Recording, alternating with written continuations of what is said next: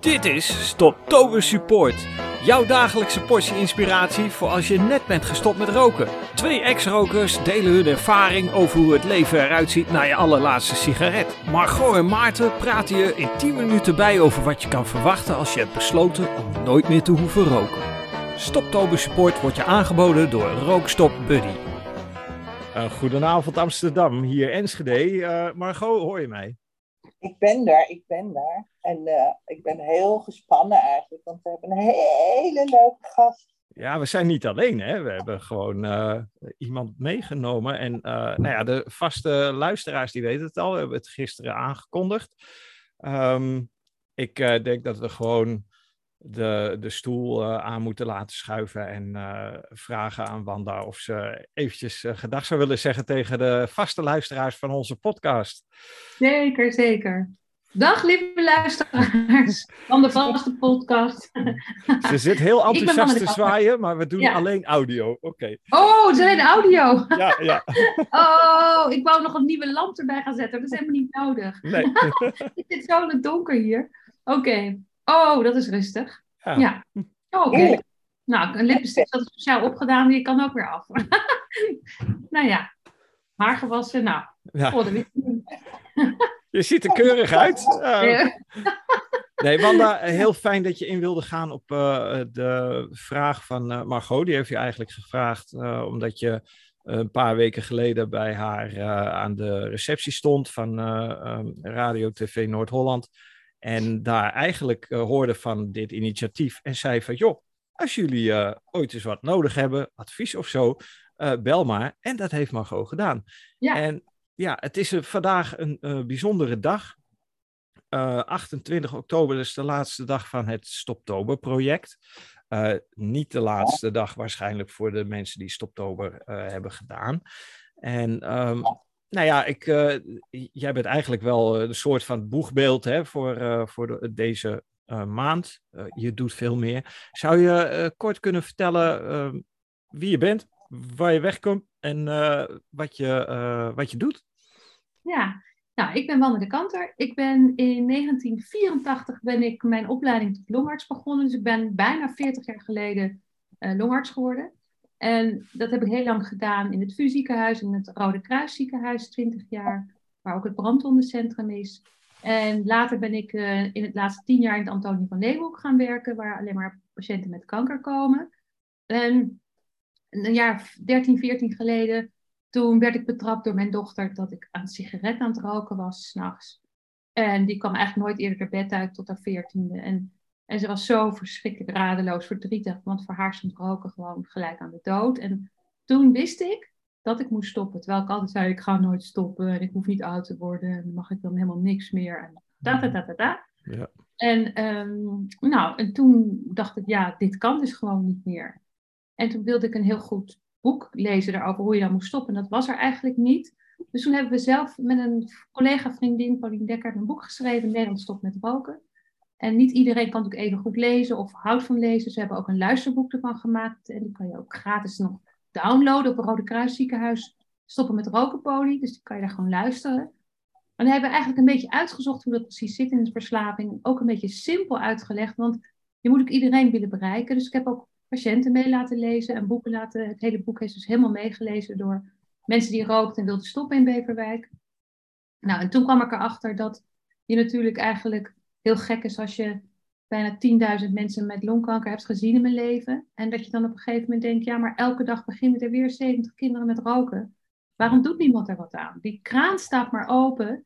En het heel erg, wat ik heel erg belangrijk vind, is om, dat, dat ik het ontzettend oneerlijk vind als mensen longkanker krijgen, dat ze zichzelf dan de schuld geven of iemand anders zegt, je hebt het zelf gedaan. En dat bestrijd ik dus ook heel erg. Ik ben echt heel erg voor het helpen met stoppen. Ik ben heel erg tegen dat stigma, dat vooroordeel dat mensen zelf de schuld krijgen, want het is een ernstige verslaving die expres bij kinderen wordt toegepast. En nu ben ik vooral ook bezig om kinderen niet te laten beginnen door politiek te lobbyen en rechtszaken tegen de tabaksindustrie te voeren. Ja, en dat is een hele opgave. Ik heb uh, vanmiddag nog eventjes uh, jouw uh, opname met Groenteman, uh, Groenteman in de kast, uh, teruggeluisterd, waarin je daar erg diep in gaat, onder andere op het, uh, nou ja, het, politieke spel rondom tabak. je hebt ook een website daarvoor opgericht. dat is uh, Tabak als ik me niet vergis. Waarin gewoon de mensen genoemd worden. Hè? De, de politieke draaideur naar de ondernemingen. En ehm, ja, ik vraag me wel eens af, word je daar dan niet moedeloos van? Dat je eigenlijk een strijd levert tegen zo'n machtig apparaat. Ja, maar ik, ik heb toch ergens het idee dat dit is zo absurd dat het ergens gaat stoppen. Mm Dus dat houdt mij fit en het houdt me scherp ook. En ehm, ik, ik weet langzamerhand zo ontzettend veel ervan. En ook hoe het in Amerika en Australië gaat. En ik ken al die geheime documenten. Dat ik kan me niet voorstellen dat zij hiermee wegkomen. Mm En 8 miljoen mensen gaan er elk jaar dood aan, aan die tabaksverslaving. En veel erger nog eens, 50 keer zoveel daarvan zijn mensen gewoon ziek. Of blind geworden door het roken, krijgen reuma van het roken. Of allemaal vreselijke soorten hart- en vaatziekten. Weet je, het is... En, en dan dat de industrie zegt, ja, ja, het is jullie eigen schuld, had je maar niet moeten gaan roken. Terwijl zij kinderen, hoe jonger, hoe beter ze reclame maken. En doordat ik elke keer weer zo boos word, of het zo onrechtvaardig vind, kan ik er niet mee stoppen. En misschien ben ik wel een beetje gek of zo, dat ik er zo lang tegen blijf strijden. Maar ik heb toch het idee dat zij gek zijn en dat we toch gaan winnen. Ik, denk snap het zo goed. Ik snap, ik, Wanda, ik snap het zo goed. Ja. Ik ga ook door vanaf nu, omdat ik ja? niet kan stoppen. Ik, nee, ja, ik ja. niet anders. Ja. Ik, ik, zie gewoon wat er. Ik heb me ook verdiept in die tabaksindustrie, ook via, door Maarten. Hè, die, ja. Hij zei van, ja, je moet even kijken naar dit en even zien naar dat. En wat, wat de, de, de, de, de microfoons, als ik dachten gesloten, wat ze zeggen. Nou, ik heb me zo kwaad gemaakt. Dus ik kan ook niet meer... Ik ben nu ook... Nee. weet, je wat, het, wat ze net hebben gedaan, is dat ze... Um, Philip Morris, de grootste tabaksindustrie, die, heeft een, die, die is de oorzaak, hè, dat is dus de producent van Marlboro.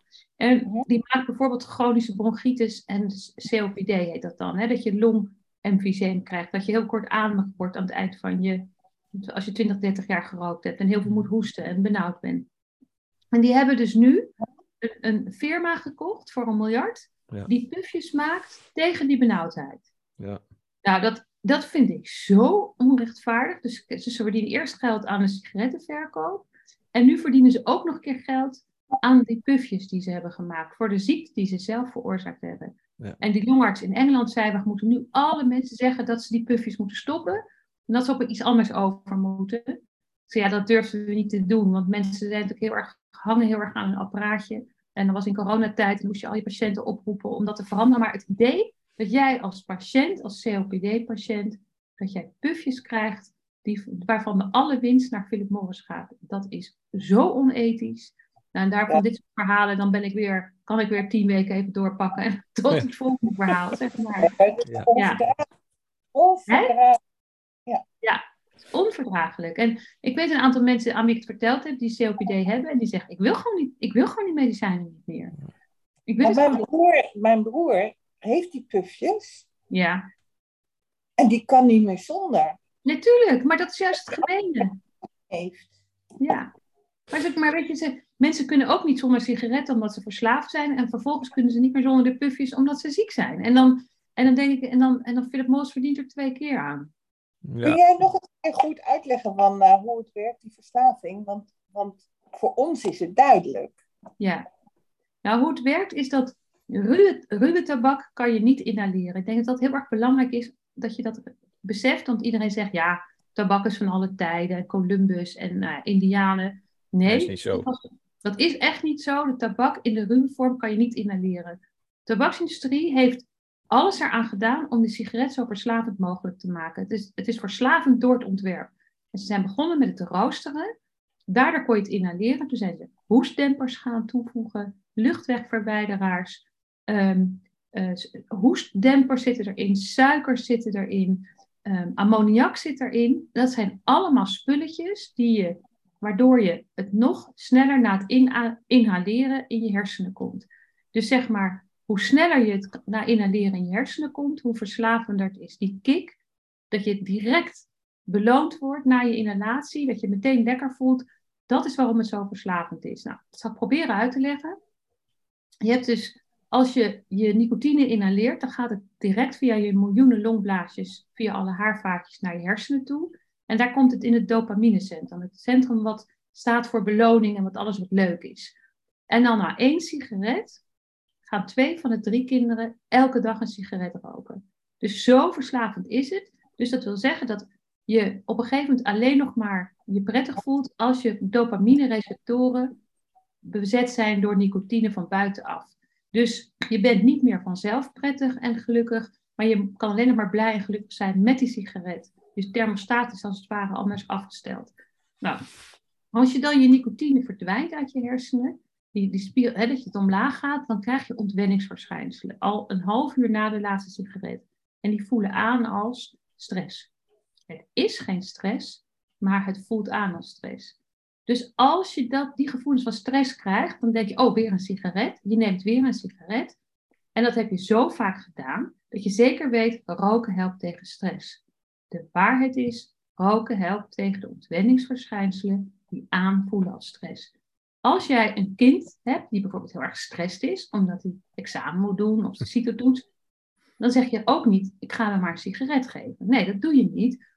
Je weet, als je een kind die nog nooit gerookt een sigaret geeft, dan gaat de bijnier heel veel adrenaline maken. Dus je krijgt stress van, van roken. Je krijgt stress van nicotine. Je krijgt veel vaker angst- en paniekstoornissen van hebben rokers. Dus het is gewoon echt niet waar. Maar ja, dat, je hebt dat zelf tegen jezelf verteld, honderdduizend keren. Dus maak dat de kat maar wijs. Hè? Dus, dus, maar mensen blijven daar heel erg aan hangen. En in ieder geval, wat het volgende is, omdat je je niet prettig voelt als je um, ontwenningsverschijnselen hebt en je direct daarna zo lekker voelt na die sigaret, zeven seconden daarna, ga je die sigaret koppelen aan alles wat je doet. Dus kopje koffie, sigaret erbij, hond uitladen, sigaret erbij, ruzie, sigaret erbij, huilen, sigaret erbij. Dat heet de Pavlov-reflex. Nou, als je weet, dat was de oude Rus, die heeft dat uitgezocht. Klinkt pijnlijk nu. Maar goed, dat was, dat was een wetenschapper. En die, die, die belde een belletje. En dan gaf hij direct daarbij een groot stuk vlees aan die hond. En dat deed hij twee maanden lang. En toen haalde hij het vlees weg, belde hij het belletje. En toen ging die hond vanzelf al kwijlen, terwijl er helemaal geen vlees was. Nou, dat heet Pavlov. Daar heb je twee maanden voor nodig, omdat het, dat heet conditionering. Nou, rokers zijn extreme kwijlende honden, noem ik het maar. Dus ook al ben je al, is je nicotine al uit je lichaam na een paar dagen en ben je helemaal je nicotine klaar, je blijft een kwijlende hond. Dus overal zijn die belletjes die afgaan dat jij denkt roken, roken, roken, roken. En dan kom je een vriend tegen met wie je vroeger rookte en dan denk je aan roken. Dat gaat helemaal onbewust. En, dan, en op het moment dat je je bewust wordt dat je, ik wil nu roken, ja maar ik ben gestopt, ja maar ik wil roken. Dan krijg je een soort dreinend kind van twee in de supermarkt gevoel. Net zoals een kind van twee, ik wil nu snoep, en gaat krijsen en gaat gillen. En dan vraag je aan die vader of die moeder, geef je het hem dan? Nee, natuurlijk niet. Ja, maar waarom dan niet? Nou ja, want dan gaat hij straks weer gillen en morgen weer. En dan heb je over tien jaar een rottig kind met, dat te dik is geworden met rotte tandjes. Dus je zegt tegen dat kind, nee is nee. Oké, nu terug naar jij als roker. Je weet dus dat je gaat stoppen met roken, je bent gestopt met roken. En je weet dat die paflos, die belletjes, die kwijlende hondmomentjes, die gaan komen.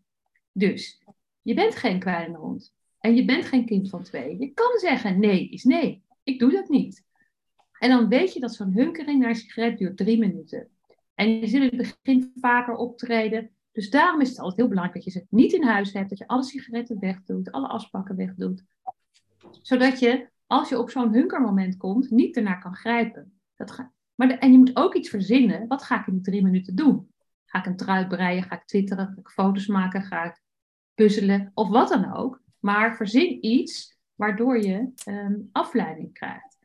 en, en dus die, die, die, die, die reflex die is ontzettend belangrijk. En het heeft niks met nicotine-ontwenningsverschijnselen te maken, want die is al lang uit je lichaam. Maar wel met de geestelijke verslaving die al die, die al die jarenlang roken in je brein hebben gekerfd. Maar het is mogelijk om die stuk voor stuk allemaal te doorbreken. Mag ik, uh, mag ik een vraag stellen? Ja. Oh, sorry Margot. Ja, want um, ik, ik heb even een aantal notities gemaakt. Hè. Je hebt het over inderdaad dat je jezelf hebt geconditioneerd. Maar onze maatschappij zit natuurlijk ook chockvol met verwijzingen naar uh, rookgedrag.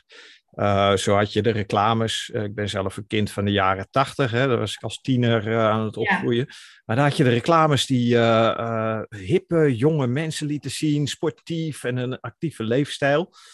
Gelukkig is dat steeds minder, maar een beetje nou ja, onzichtbaarder geworden. Want ze doen het nu op TikTok en, en andere social media. dat heeft toch ook een flinke invloed? Ja, dat heeft een enorme invloed. Als je kijkt, ik woon in Amsterdam, maar bijvoorbeeld dat je in alle toeristenwinkels kan je allemaal sigaretten kopen. En elke keer is dat weer zo'n cue, is dat weer zo'n belletje wat gaat rinkelen. Mm Of asbakjes, of allemaal leuke dingetjes eromheen. Of een terrasje met rood-witte stoeltjes en dat er vlak naast de Marlboro-automaat hangt. Er is over, als je kijkt naar de Akelboekwinkels, is allemaal het logo van Marlboro, weet je, overal is over nagedacht. Ja. Netflix, films. Nou, als je kijkt naar leuke, gezellige familiefilms in Nederland. Allemaal rokende mensen. Scènes die worden gekocht door de industrie. Ja, en we weten, we kunnen het niet bewijzen, maar je weet dat heel veel mensen vallen terug uh, met roken omdat ze zien roken of ze zien andere dingen. Dus dat is heel erg waar. ja. Mhm. ik, hoor, ik hoor je ook in je, uh, in je uitleg uh, gebruik maken van woorden zoals de, de, hond van Pavlov. En dat je het vergelijk maakt op mensen. Hè, en dat je dan uiteindelijk zegt, maar jij bent geen hond. Ben je ook bewust van, want dit is eigenlijk NLP wat je toepast. Hè? Dit zijn subtiele ja. woorden die, die nou, het onderbewustzijn raken. Ehm, ja. Zie je dat soort dingen ook gebeuren bij niet alleen de industrie, maar ook ja, binnen de politieke lobby, zeg maar. dat, eh, als je kijkt naar politieke partijen, hoe daarover roken wordt gepraat en gedacht.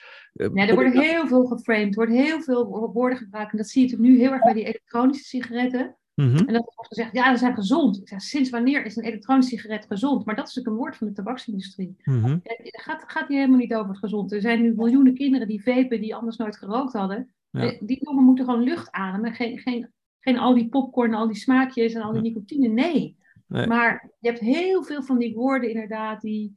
die en wij zijn daarin best wel machteloos. Omdat er is natuurlijk een 70 jaar reclame... Je kunt, moeten we tegen opboksen. En films moeten tegen opboksen en afbeeldingen. En als ik een interview heb met de Telegraaf... dan zetten ze sowieso weer een foto van een mooie rokende vrouw daarboven. Ja, ja wat heeft dat nou voor zin? Hè? Beelden zeggen meer dan duizend woorden. Ja.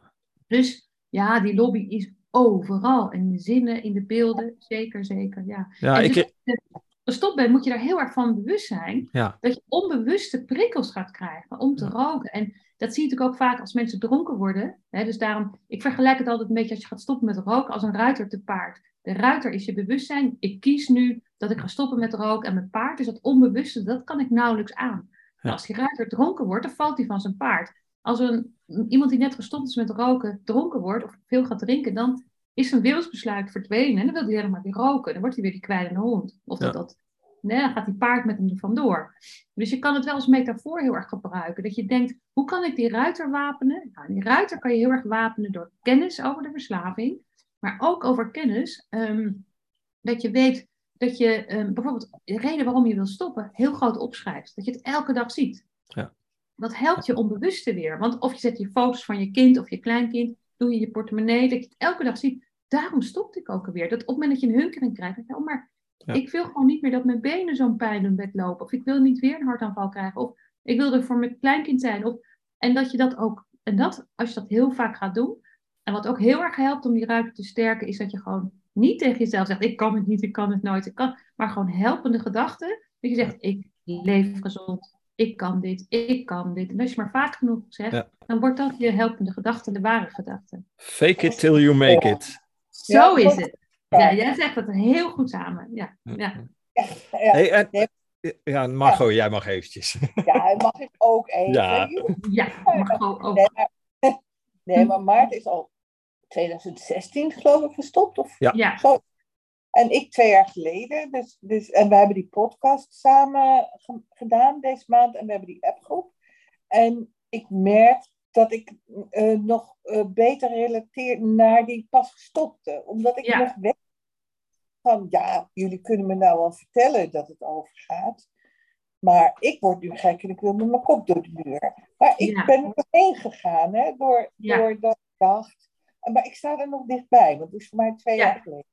Nou, dan hebben ze veel steun aan je. Ja, ze hebben heel veel steun, omdat ik het echt nog begrijp. Van, Ik word nu gek en wanneer gaat het over? Dat is de vraag nu ook vaak. Maar geef me dan een tijd. Geef me dan een tijd over. En ik zeg nu ook, die is er niet, behalve dat je het per moment moet pakken. En iedere keer aanvaard het, dat het er is. Laat het gaan, laat het weer verdwijnen. En ik ben nu inmiddels, uh, ik ben in jouw kamp. Ja, ja, ja. ja. No way. Omdat ik heel veel kennis heb gevraagd via Maarten over die tabakindustrie. Ze krijgt van mij geen, echt geen cent meer. Nee, dat is een goede motivatie. ja, ja. ja. Hey, uh, nog uh, eventjes, uh, sorry dat ik onderbreek, maar we zitten natuurlijk met de tijd en we kunnen hier zo avonden mee vullen. maar goh, jij had nog vragen uit, uit de appgroep, hè? Ja. Zou je er een paar uit kunnen pikken? Want we kunnen ze volgens mij niet allemaal voorleggen. Nee, maar bijvoorbeeld vind ik wel belangrijk uh, wie weet Wanda waarschijnlijk ook, dat er een onderzoek is geweest naar dat longen zich beter schoonmaken. Of ja, die was goed. Ja. Uh, dan verwacht. Dat was voor mij een enorme openbaring. Ja. Dat, dat je, want er vroeg een vrouw die zei: Ik heb nu 15 jaar gerookt, heeft het nog wel zin om te ja. stoppen? Nou, het heeft altijd zin om te stoppen.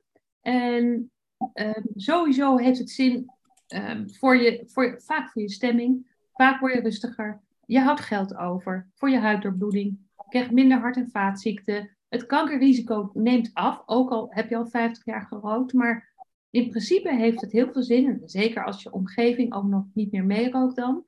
Dus het heeft ontzettend veel niveaus. En ik was ook zo'n vraag van, ja, um, worden je longen weer schoon? Kijk, als je normale longen hebt en je longinhoud is goed, ja, dan is dat gewoon goed. Maar heb je, heb je al ernstig COPD opgelopen? ja, dan, dat, dat herstelt zich niet meer. dus als je een groot hartaanval hebt gehad en je hebt hartfalen door te roken, dat herstelt zich niet meer. Alleen als je stopt met roken, heb je minder kans op een nieuw hartaanval. Als je stopt met roken, gaat de, de chronische bronchitis minder snel achteruit. Krijg je toch meer lucht. Dus het heeft altijd zin in welke fase. Natuurlijk niet als je in een eindstadium van welke ziekte dan ook bent. Hè? En het moet, maar dan heb je ook vaak niet meer zoveel zin om te roken, is, is mijn ervaring eigenlijk. Maar dus ik denk dat het, dat het, dat het, dat het belang, elke leeftijd is goed, alleen die, voor iedereen is die motivatie een andere. En schrijf die groot op, want dat, dat gaat echt het verschil maken. Dat je, waarom je ook weer stopt. Want je zei net, ja, sommige mensen worden gek. Kijk, mensen stoppen, stoppen vaak, hebben wel zes, zeven stoppogingen nodig. En die stoppogingen zijn vaak heel verschillend. En de ene keer worden ze gek en de volgende keer helemaal niet. Hebben ze een groot infarct gehad, dan gaat het ineens heel makkelijk. Dus het zit in je hoofd hoe je ermee omgaat. En als je gewoon die helpende gedachten doet, dit valt mee, dit gaat goed, dit komt goed, en je niet helemaal in die gedachten gaat zitten, afleiding zoekt, dan kan het ook nog wel eens een keer meevallen. Hè? En, en het leven gaat door. En, en 80% van de mensen in Nederland er ook niet. En die hebben ook verschrikkelijke dagen. Die hebben ook knallende koppen. Die hebben ook uh, stress en mensen die doodgaan. Dus het leven gaat door met of zonder sigaret. Ja. Dus dat heel belangrijk. is behoorlijk verbeterd hoor, door het stoppen. Ja, ja dat is... Dat is, dat is, minder stress. Ja, nee, dat, je wordt rustiger. En niet de eerste ja. weken natuurlijk, maar, maar ja, uiteindelijk wel. Ja, dat heeft me veel gebracht. Uh, die, die, rust. Hè, uh, Een frissere huid ook. Ik, uh, ben, ik heb een gevoelige huid en eigenlijk sinds uh, mijn laatste sigaret ook geen, geen last meer van uh, ja. nou ja, het oppoppend eczeem als er uh, wat, wat stress voorkwam. Dus, ja. Margot, had je nog een vraag klaar liggen? Ja, er was iemand die zei, ik heb altijd migraine gehad.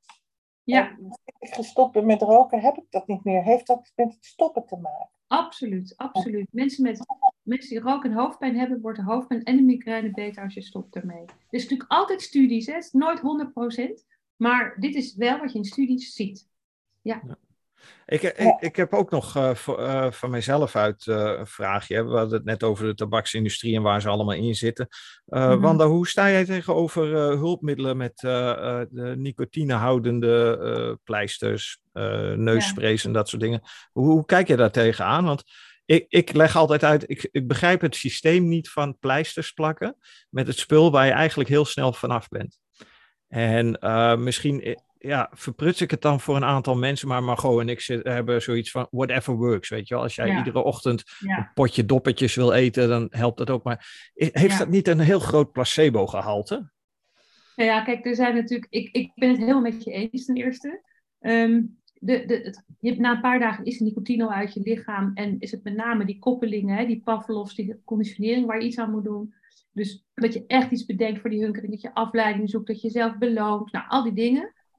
Het ondersteuning van, van uit studies lijkt wel dat het bij sommige mensen wat kan helpen, met name de hele zware rokers, die ook s'nachts wakker worden om te roken, die echt één of twee pakjes per dag roken, dat die makkelijker kunnen stoppen of makkelijker stap durven nemen om te stoppen doordat er hulp en ondersteuning is. En natuurlijk is er een placebo-effect. Het idee dat het wat zal doen, gaat het wel doen. En kijk, en voor sommige mensen kan je zeggen, als het nou echt heel moeilijk is, je neemt een zuigtabletje nicotine. Als dat jou helpt, of een kauwgompje nicotine, dan helpt dat jou. Mhm. Maar um, we weten uit studies dat, dat zware rokers wat makkelijker kunnen durven stoppen met medicamenteuze ondersteuning. Maar we vergelijken het eigenlijk als je je been breekt dan kan je, moet je natuurlijk gips krijgen, moet het been moet weer geheeld worden. En dan tegen de pijn neem je paracetamol. Nou, die nicotinevervangers zijn een beetje de paracetamol tegen de pijn, maar dat gips en repareren moet je helemaal zelf doen. En dat is met stoppen met roken ook. Er is geen heilige pil. Was hij er maar, maar die is er gewoon niet. En dat komt door al die ingesleten patronen in het brein. Dat vind ik een hele mooie uitleg. Want uh, ja, ik probeer mensen wel eens uh, op dat pad te brengen. Hè, dat men het ja. zelf moet doen. En dat je ja. eigenlijk uh, met hulpmiddelen je ene afhankelijkheid gaat vervangen met een andere. Hè, het fenomeen van, ja, ik ben heel veel gaan snoepen na mijn laatste sigaret. Ja. is ook zo'n zo'n overstap van ja, het een naar het ander. Maar dit, dit vond ik een mooi. Ja. Ja, vaak is het zo dat heel veel mensen die roken en om, hun, om je gedrag te rechtvaardigen, maak je gedachtenkronkels aan. Dat zijn geen smoesjes, want ze zijn gedachtenkronkels noem ik het, omdat ze onbewust ontstaan. En één daarvan als er is heel vaak van, nou als ik ga stoppen met roken word ik heel dik. En dat noem ik dan een beetje roomsmoesjes, want ja, als je elke sigaret door een soesje verandert, ja, dan, dan word je heel dik. Maar als je dat in je stoppen-stappenplan meeneemt en zegt, nou, ik wil niet dik worden, dan kan je bijvoorbeeld nicotinevervangers in het begin doen, want die verzorgen dat die stofwisseling wat sneller gaat. Um, of je zegt, nou ja, ik ga elke dag, keer ik een hunker heb, loop de trap op en af. Of ik ga een beetje op mijn gewicht letten, of ik ga eerst wat afvallen en dan stoppen met roken. Nou, maar in ieder geval, het is niet zo dat je een olifant wordt. Het is gewoon niet waar. Maar je denkt dat het waar is. Nou, en zo heb je, denk je ook hè, dat roken tegen stress helpt. Nee, het werkt tegen de ontwenningsverschijnselen van stress. Het is het enige wat ik nog heb. En dan kijk je, nou, maar je hebt ook nog een man, je hebt ook nog kinderen. Of je hebt al die... En dan zegt, of ze zeggen, ja, mijn opa werd 84 en die rookte twee pakjes per dag. En dan zeg ik, als er tien eentjes over de snelweg lopen, komt er ook eentje levend aan de overkant. Die staat in de Telegraaf de volgende dag. Dit eentje, deze oma werd 100 jaar, dankzij haar pakje sigaretten per dag. Ja. Tegenover die één overlevende zie ik negen jonge vrouwen op, van 40 jaar met longkanker op de polykliniek. En die zie je niet meer. Die zijn dood. Oh, en dat is dat. Ja. Dus ja, dat is... uitleggen, al die gedachtenkronkels. Ik heb, dan kan je misschien opzoeken de 70 mythes, Wanne de Kanter. Dan kan je alle 70 gedachtenkronkels die je kan hebben, heb ik op een rijtje gezet. Heb ik jarenlang gespaard van iedereen. Ze zijn allemaal echt door iemand gezegd ik leef toch gezond verder en ik beweeg en ik eet appels elke dag. Nee, je kan niet tegen roken gezond leven. Ze staan er allemaal op. Oh, leuk. Ja, daar gaan we naar zoeken. Ja. Hoe, hoe, heet het? dan schrijf ik hem even op. Als je zoekt op 70 mythes van de kanter, dan kom je ze tegen. Oké. Maar um, ik, ik vind het heel fijn aan onze stamtafel, maar de klok uh, die uh, tikt ongenadigd, uh, ongenadigd verder. Um, ik denk dat we richting een afsluiting moeten om het, ja. om het mooi vorm te geven. Ja, zo laat is het al. Um, is, er, is er nog een brandende vraag, Margot, bij jou? Dat je zegt, oh, die moeten echt... Ja bedoel, iedereen wil weten wanneer uh, houdt dit gevoel op. En ik zeg dan altijd, maar dat zal Wanda met me eens zijn, van ja, je, uh, neem een besluit, doe niet een poging. Neem een besluit, toch? Ja, ik vind het altijd wel mooi, ik noem het onder de streep verhaal. Je hebt alle rokers, bij elke vorm van gedrag heb je de positieve dingen van ik rook, om, hè, positief, ik rook, want ik vind het lekker, het helpt tegen stress, het, het, het, en de reden waarom ik wil stoppen zijn de dingen voor de gezondheid, voor het geld, voor mijn rimpels, voor dat. dat. Dus je hebt de plussen en de min, het duiveltje en het engeltje. Maar ik besluit nu dat ik het belangrijk vind voor de gezondheid om te stoppen. Dus onder de streep zeg ik, ook al zijn die dingen van het roken lekker, dat ga ik niet missen. Maar onder de streep zeg ik, ik stop. Want ik vind die gezondheid en mijn kinderen en mijn kleinkinderen alles zo belangrijk dat ik stop. Ga dan niet weer terug naar boven de streep. Je hebt besloten, don't go there. Blijf daar onder de streep en zeg, zo zielig ben je ook niet. Ik doe iets goeds voor mezelf. Ik ben aan het stoppen met roken. Ik heb wat ontwenningsverschijnselen. Maar al die verschijnselen die allemaal mensen verzinnen ongeveer, dat zijn gedachtenkronkels. De verslaving die zegt, je wil weer roken, je moet gaan roken. Maar als je er anders in zit en je motivatie is sterker, dan heb je ineens al die gekke verschijnselen niet. Dus, dus neem, het niet neem jezelf niet te serieus met die hunkeringen. Maak er wel afspraken over, maar ga niet terug naar die streep. Onder de streep, je bent een stopper, je bent gestopt, je gaat niet meer terug. Punt. Ik vind het een geweldige, geweldige afsluiting. Uh, we, gaan het afronden, uh, Wanda. Ik denk dat uh, Margot en ik straks nog eventjes de podcast gaan afsluiten voor onze vaste luisteraars. Ja. Mag ik je heel hartelijk danken voor je tijd en ook op deze korte termijn. Ik heel vond graag het, gedaan. Ja, ik vond het geweldig dat je mee wilde doen en ja, ja, goede uitleg.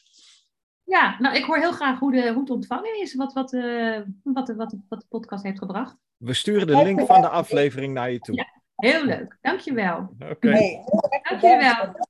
Dag. Dag. Zo, Margot, wat een, uh, wat een informatiestorm. Wat vond jij ervan? Ja, ik vond het geweldig. Ik vind het zo'n fantastische vrouw. Die, ja. die, en zij heeft zoveel kennis. Ik had nog duizenden vragen. En uh, ja, het is eigenlijk te kort. Ja, en wat zij, wat zij gewoon in uh, tien minuten uh, beschrijft hè, over nou ja, het hele systeem van, hey, je stelde de vraag van hoe werkt dat met die verslaving en dat verhaal, het, alles klopt eraan. En de, ja, daar ben ik altijd wel van onder de indruk als mensen dat zo, ja, zo beheersen. Het is niet eerst het beste, het is Wanne de Kanter, longarts. Mm Antonie van Leeuwenhoek, ik weet niet of iedereen dat weet, maar dat is het... het kankerziekenhuis in, het in Nederland. ziekenhuis in Nederland. Ja.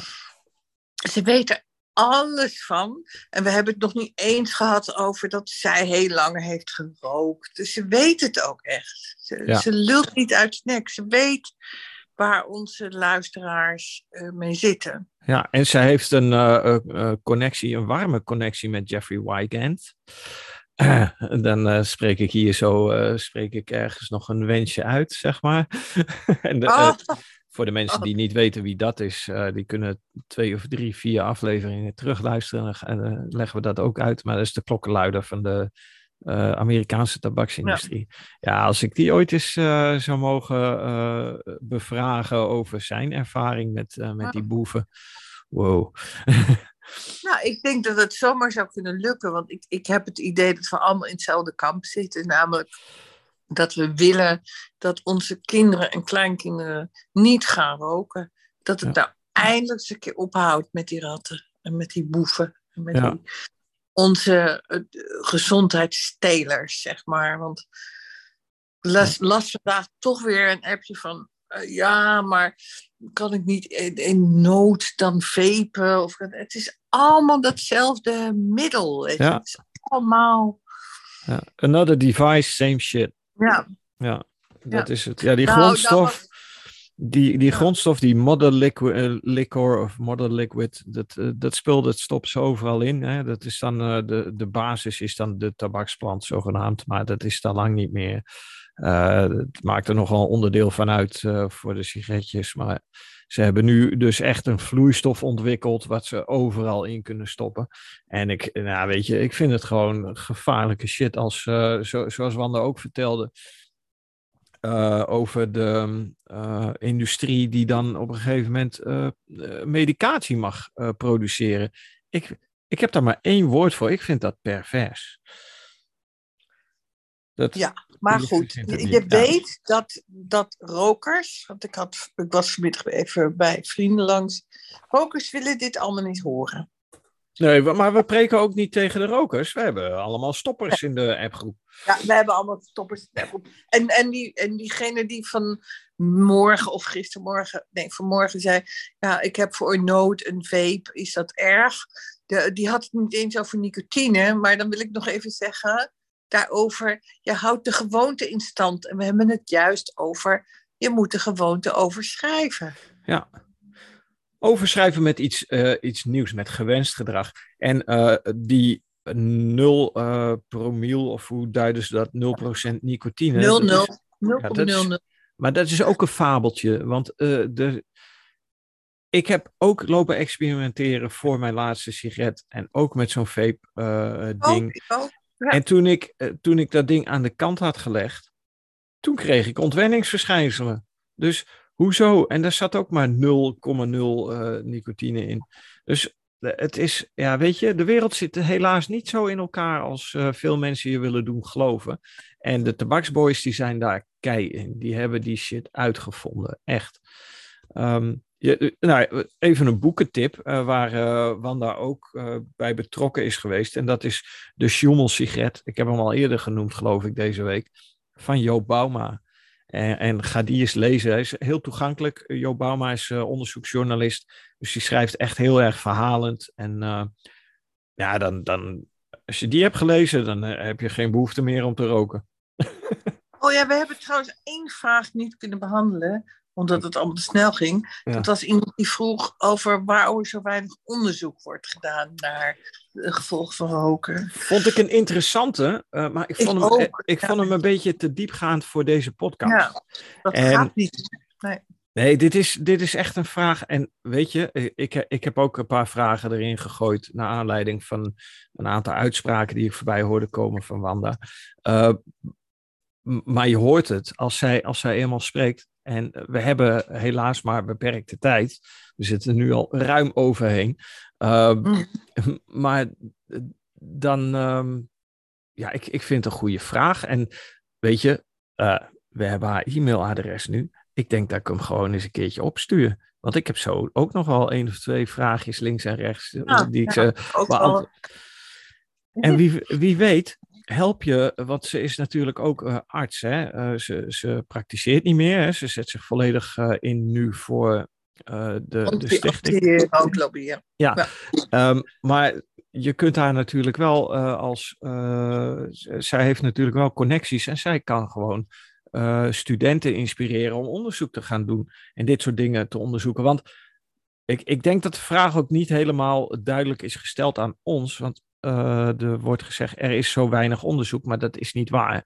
Er is weinig onderzoek op het gebied van tabak in de medische wereld. En je hebt uh, vanuit de tabaksindustrie heb je bergen onderzoek. En dat zei ze ook. Ze had het over de geheime documenten. Ja, precies. Inmiddels zijn niet meer zo geheim. En uh, met goed graven en zoekwerk kun je ze op het internet vinden. Het is echt zoveel. Ik heb, ik heb wel eens geprobeerd wat dingetjes op te slaan, maar de, harde schijf liep gewoon vol.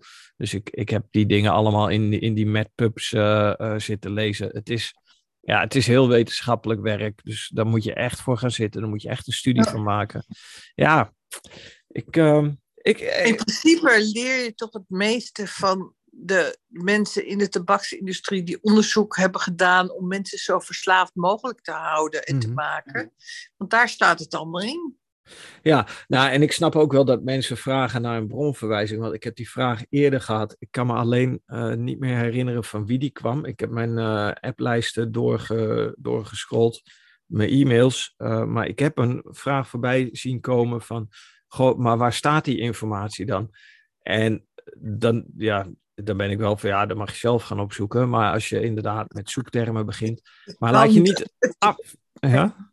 Nee, nee, nee, maar ja, ik, ik heb toch wel heel veel gevonden, inderdaad. Maar vooral in, in het uh, Engels vragen stellen. Ja op Google van uh, how and what en, uh, met uh, tobacco en whatever. Maar je krijgt heel veel informatie hoor. Ja, je moet een aantal wetenschappelijke van die wetenschappelijke vraagcombinaties weten. Hè? Als je het hebt over um, de onderzoeken die je wil vinden, dan heb, moet je zoeken met termen als effect, ammonia on the brain with smoking, zoiets, weet je wel? Ja, ja. ja tobacco, tobacco effects ammonia on brain. als je dan die mhm. zoektermen invult, maar dan kom je er wel in, dat is gewoon taaie stof. Dat zijn die et altjes, zeg maar, hè, die, die onderzoeksrapporten. Ja, ga ervoor ja, zitten. Ik snap wel dat mensen daar helemaal geen zin in hebben. Ik vind het, het heeft mij ontzettend gesterkt om er echt nooit meer in op te steken. Ook al heb ik nog zo zin, gaat het niet. Het is onmogelijk. Ehm, omdat ik te veel weet van hoe het in elkaar zit. En dat is toch wel echt het allerbeste hoor. Om je te verdiepen in hoe zit een sigaret in elkaar en waarom wil ik hem. Ja, en uh, doe dat op die momenten dat je een kreving hebt, dat je trek hebt om te gaan roken. En uh, kijk eens uh, naar je telefoon of ga ook echt naar een computer toe en ga erachter zitten. dan, dan vul je die tijd nuttig. En dat is het verhaaltje wat ik altijd vertel van ik heb er anderhalf uur bijgekregen per dag. En in de eerste instantie ging ik die anderhalf uur ging ik zitten lezen. Ik heb gewoon, ik, ik sleepte gewoon echt een tas met boeken mee. Uh, en, en ik las gewoon uh, nou ja, drie boeken door elkaar en uh, minstens vier boeken per maand. maar wel non-fictie, hè? daar was ik op onderzoek op dat ja, moment. Nou ja, ik heb jou gevonden dat ik op zoek was van en wat nu?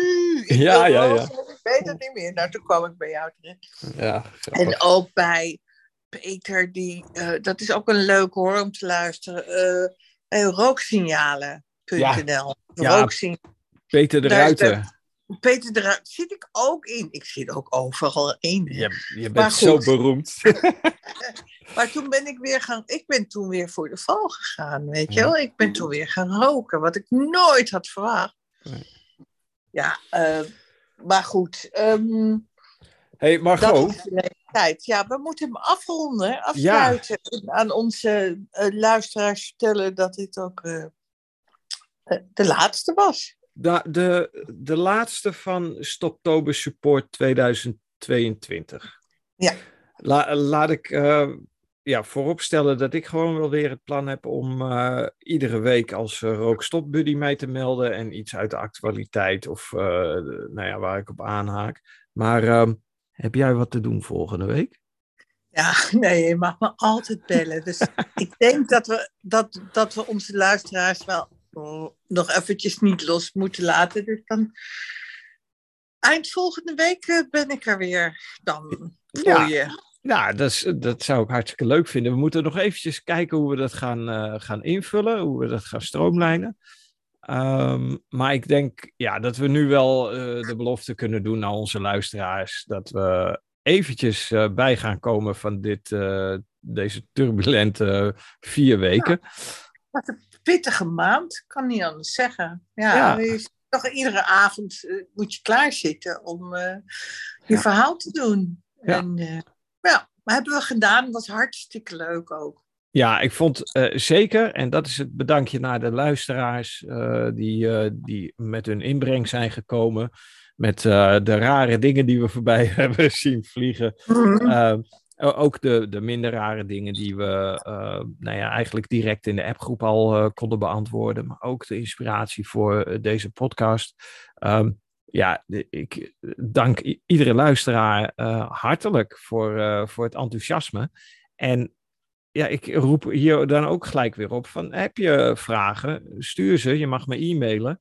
Uh, Maarten.rookstopbuddy.nl ben ik te bereiken. En uh, als je op de website rondkijkt, rookstopbuddy.nl, daar staat ook een telefoonnummer. Moet ik uh, even denken, ja, die heb ik er afgehaald. Maar die, um, met een beetje zoekwerk kun je me ook bellen als dat moet. Um, met een beetje zoekwerk. Met een beetje zoekwerk. Ja, nee, ik, ik heb laatst uh, de, uh, de boel een beetje opgeruimd uh, om, okay. om, ruimte te maken voor deze maand. Dat wilde ik al eerder doen, maar ja, je moet ook maar de tijd zien te vinden met gezinsleven ja, en roep, een volle baan. Precies, ik roep daar, daarom. Ik, ik ben ook oma en ik pas op. En, en ik snap dat de luisteraars zeggen, ik wil, willen jullie blijven horen. Maar ja, ik heb ook andere dingen te doen. Maar ik roep ook op aan, aan onze fans, zeg maar, of die er wat, vooral die er wat aan hebben. Ja. Laat het weten, want dan kunnen wij daar iets mee doen misschien. Of, of, of, het invullen op een andere manier of whatever. Maar we komen volgende week weer even terug, toch? Ja, is goed. En uh, hoe dat format eruit gaat zien, dat, uh, daar ga ik dit weekend even over nadenken. Terwijl ik in Snake bij de première van uh, de film over Grutte Pier zit. Wie is Grutte Pier dan? Oh, dat is een heel mooi verhaal. Dat is de nieuwste film van Steven de Jong. en die is gisteren in première gegaan. En morgen zitten we in het theater van, van Snake. Uh, spreekt hij eerst en geeft hij uitleg over de, het maken van de film. En Grutte Pier was een, uh, verzetsheld in Friesland. Dat is uh, oh, het de laatste, Ja, de laatste Fries die is opgestaan tegen de Hollander. Oké, oké. ja, ja. Nee, maar... Um, ja, we ja. moeten hem afronden. We hebben het er moeilijk mee, hè? We ja, maar loslaten is onderdeel van het proces. Ja, precies. En, uh, en al onze luisteraars uh, uh, steken hem niet op gewoon, lijkt me. Nou, we blijven nog even in de appgroep, dus we houden ze in ja, de gaten. Ja, ik blijf wel in de appgroep hoor. Jullie ja. mogen vragen blijven stellen, dus ik blijf kijken. Alleen, we doen niet meer elke avond deze podcast. Nee. Wat een leuke avond was dit. Ik had echt het gevoel dat ik met twee dames, en een dame met heel veel kennis aan, aan de stamtafel in, in mijn café heb gezeten. En ik, uh, ja, nogmaals ook Wanda, bedankt voor de tijd en luisteraars, heel hartelijk dank. Dit was het voor wat ons betreft. Stoptober Support 2022. Volgende week zal het waarschijnlijk weer een reguliere Rookstop Buddy Show worden. Alhoewel regulier, samen met Margot. En daar verheug ik me nu alweer een beetje op. Ik zal, ik zal het missen, onze avonden. Ja, ik ook. Ik ga je missen, zeg. Jeetje. Mijn man gaat je niet missen trouwens. Nee, nee, nee. Nou, aandacht voorop. Hoppakee. Ja, Oké. Okay. Spreken we elkaar later. Dag, dag.